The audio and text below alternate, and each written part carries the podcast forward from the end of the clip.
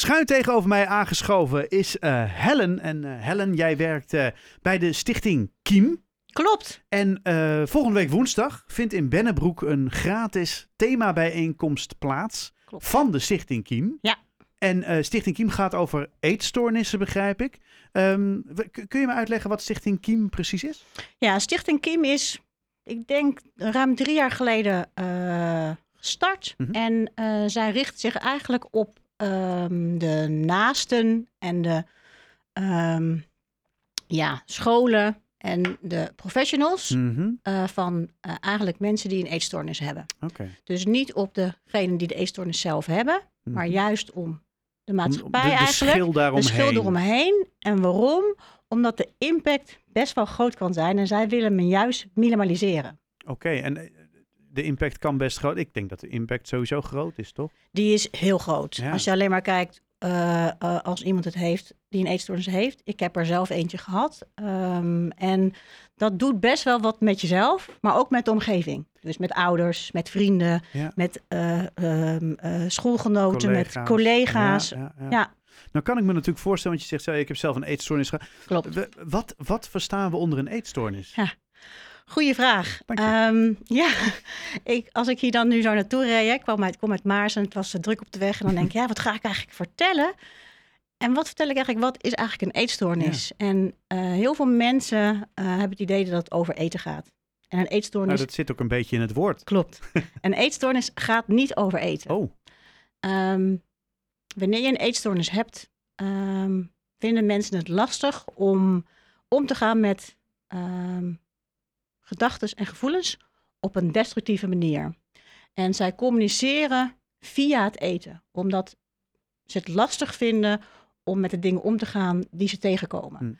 Dat kan angst zijn, dat kan eh, onveiligheid zijn, dat kan ehm, niet goed kunnen verwoorden. Heel veel dingen zijn, maar dat kunnen ze niet op een gezonde manier. En eh, heel veel mensen weten het niet, snappen het niet, herkennen het niet. Ehm, maar wanneer je er meer van af weet en meer gaat begrijpen, ehm, is het geen keuze. Het is dus geen keuze om Nee. een eetstoornis te ontwikkelen. nee. Ehm, maar eigenlijk op een hele ja, ongezonde manier omgaan met de dingen die in het leven Met eh, de issues. ja, die er zijn. En, en dan is het eten het middel of Ja. zo om dit, om dit te communiceren Ja, of om dit te uiten? Of... Om te uiten of niet te voelen. Hè? Dus Ja, eetstoornis is, is vaak vanuit veiligheid en controle. En je hebt verschillende soorten. Ik zou daar niet te veel over- uitweiden. Maar ehm, als we kijken naar anorexia, wat vaak voorkomt, wordt er minder gegeten. Ehm, en er wordt ermee gecommuniceerd eh, dat er dingen lastig kunnen zijn. Hmm. Wanneer je bulimia hebt en heb je eetbuien, Hmm. eh, wordt er op die manier ook gecommuniceerd. Alleen is het minder zichtbaar. Hmm. Maar er zijn altijd dingen die er spelen die niet op een normale manier gezegd of geuit kunnen worden. En dat is wat eigenlijk wat juist geleerd moet worden. Ja, en, en dan heb je de omgeving natuurlijk nodig rondom de persoon met die eetstoornis of, Ja. of, of eh, met die issues eigenlijk. Ja. Want eh, de, hoor ik je zeggen dat de eetstoornis dan feitelijk het sym- symptoom is van, eh, van de issues waar Ja. degene mee zit? Ja, dus als je ook ehm, naar mensen kijkt die een eetstoornis hebben, dan zie je vaak misschien dingen. hey, eh, iemand is dun. Ja. Of, eh, en dan wordt dat gezien. Of er wordt minder gegeten. Of er wordt gepikt met eten. Of je gaat overgeven in de wc. Hmm. Dat is wat wordt gezien, als het wordt gezien. Ja, nou ja. Maar het gaat over wat maakt dat ze dat doen. ja. En dat is waar het over moet gaan. Ja. Ja, en daar, en daar gaan jullie natuurlijk die, die, die themabijeenkomst over organiseren. Ehm, dat is volgende week, dat is Ja. zo net voor de zomervakantie. Dat heeft een reden, hè? Ja. Als ik net al zeg, hè, eh, wanneer je een eetstoornis hebt, heb je dat niet gekozen. Nee. En als je op vakantie gaat, neem je je eetstoornis mee. Ja. Die laat je niet thuis. Was het maar waar. Dat je hem thuis zou kunnen Ja. laten. Maar ook op vakantie zijn er issues. Maar als je ehm, op vakantie gaat, wil je eigenlijk dat het relaxed is. Maar Ja. wanneer je een eetstoornis hebt, nou, ik denk dat jij eh, regelmatig eet. Dat hoop ja. Ook op vakantie. En op vakantie doe je andere dingen vaak. Ja. Hè?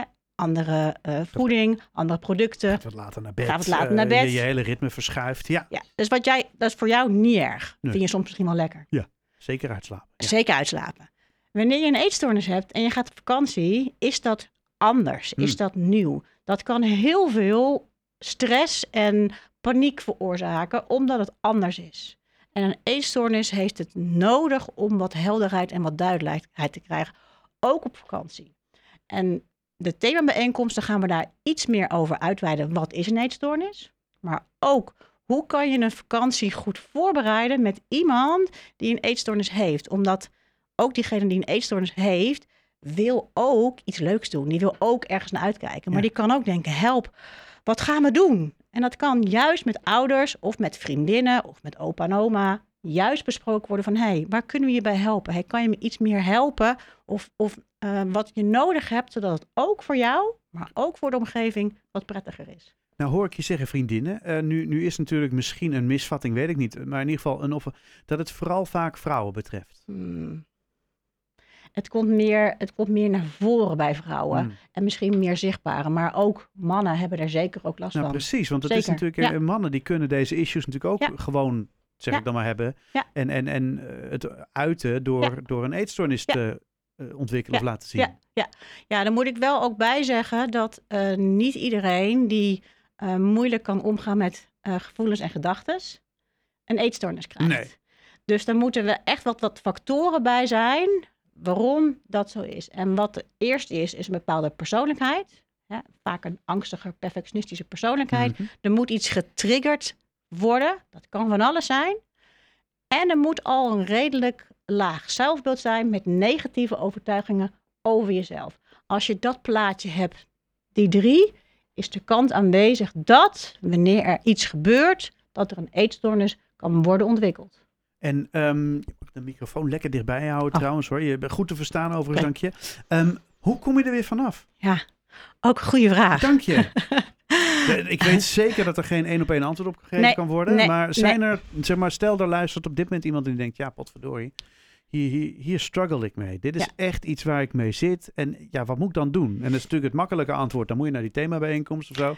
Maar Nou ja, de themabijeenkomst is dus juist voor Is de voor naasten, niet voor de, zeg maar. ja, voor, voor eigenlijk voor de, voor de, de, de naasten van degene die een eetstoornis heeft. Wanneer je er zelf last van hebt en je weet nog niet helemaal goed wat je maar je merkt, hé, hey, ik heb daar wel last van. Hmm, Ga sowieso naar je ouders toe wanneer je dat durft. hmm. Wanneer je dat niet durft, maak het bespreekbaar op school. Als je dat durft, met je mentor of met een andere docent waarvan je denkt, hé, hey, daar kan ik mijn verhaal kwijt. Wanneer dat niet lukt, maak dan een afspraak met de huisarts ehm, om daar je verhaal te doen. Wanneer dat ook nog lastig is, hè, want het is niet makkelijk om je daarvoor te uit van, hé, hey, ik heb ergens last van. meteen bij een instituut als een huisarts of van Precies, hey, precies. drempels, kan ik Ja, me voorstellen. Ja, Ga dan naar Stichting Kiem. Oké. En Stichting Kiem is ook daarvoor, ook om daar de vraag te stellen van, hé, hey, waar moet ik zijn? En dan Hm. kunnen we telefonisch of per mail eens meekijken van, hé, hey, wat kunnen we voor je betekenen?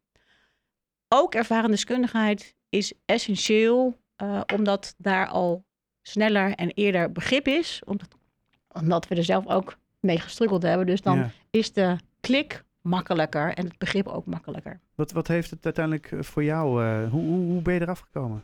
Want ik ga er even ergens gemakshalve vanuit dat je er vanaf klopt, bent. Klopt, klopt. Hoop dat, ik dan. Klopt, ja, klopt. Dat, dat is ook een van de redenen waarom ik ook eh, eh, eh, juist jongeren en jongvolwassenen juist begeleid.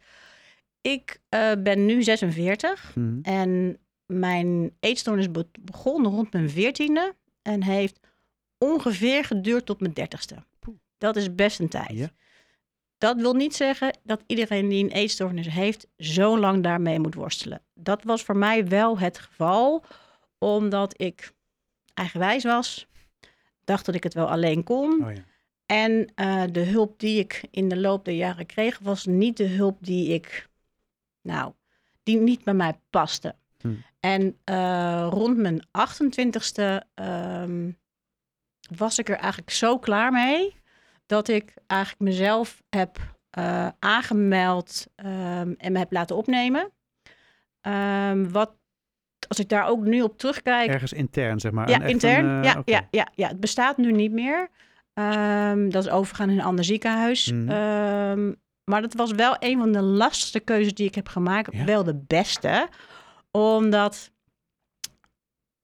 ik aan de buitenwereld, maar ook aan dus mijn ouders en mijn vrienden en toen mijn relatie nog, aangaf, ik ben eigenlijk heel ziek. Dat weten jullie wel. Maar nu moet ik er echt iets mee en wil ik er iets mee. En daar heb ik ongeveer een jaar eh, behandeling gehad. En daar was, was ik er nog steeds niet helemaal vanaf. Maar ik heb wel eh, leren eten. Eh, ik heb leren praten. Ik heb mezelf serieus leren nemen. Nou.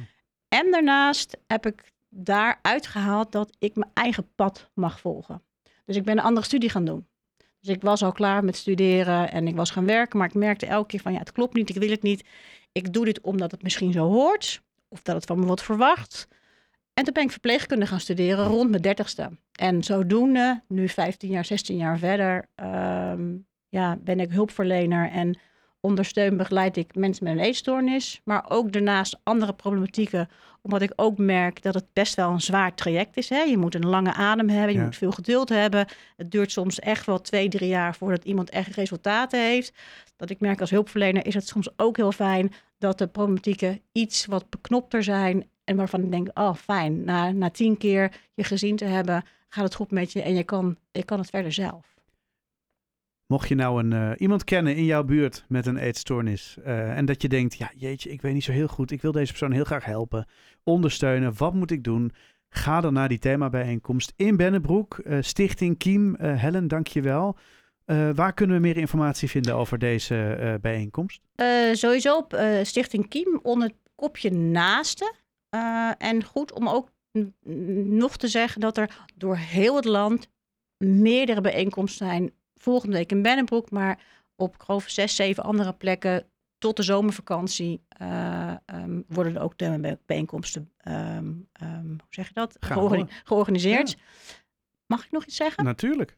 belangrijk is ook wanneer je eh, als naaste hulp zoekt, kan het natuurlijk ook bij Stichting Kiem los van de themabijeenkomsten. Wij hebben bijvoorbeeld ook ouderbijeenkomsten, ehm, ehm, maar ook huisartsen die merken van hey, ik weet eigenlijk niet zo goed hoe ik daarmee moet omgaan.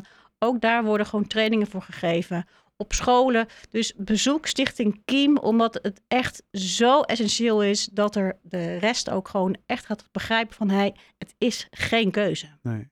Nee. Het is een struggle for life. En het zou heel fijn zijn dat dat wordt verminderd en dat degene die een eetstoornis heeft gelukkig wordt. Stichtingkiem.nl, daar kunnen we alles terugvinden, denk ik. Dankjewel, Helen. We gaan naar het nieuws van 6 uur.